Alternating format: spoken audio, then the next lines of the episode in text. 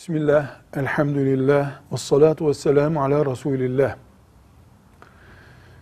Sanal dünyanın kullanıcılarına program yükleyerek para kazanmak özel bir parazit sorun yoksa caizdir.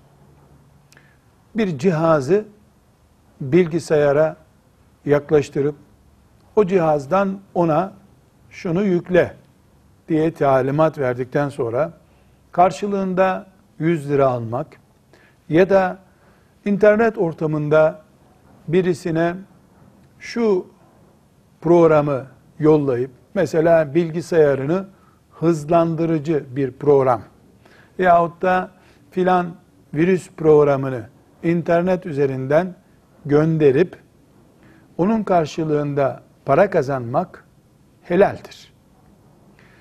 Bu sorun nerede ortaya çıkar?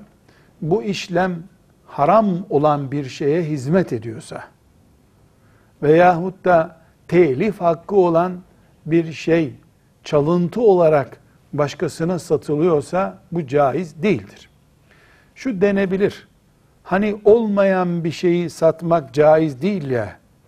Bu üfürük gibi kablosuz bilgisayardan gelip programa yerleşiyor ve bilgisayarı hızlandırıyor. Ortada bir şey yok ki denemez.